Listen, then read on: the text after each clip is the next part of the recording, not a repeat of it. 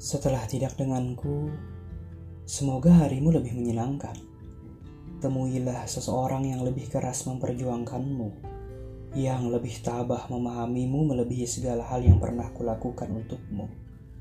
Semoga bukan luka yang kamu dapatkan, ataupun kesedihan yang berkepanjangan. Nanti, kamu akan mengerti bahwa yang pernah mencintaimu ini memiliki arti.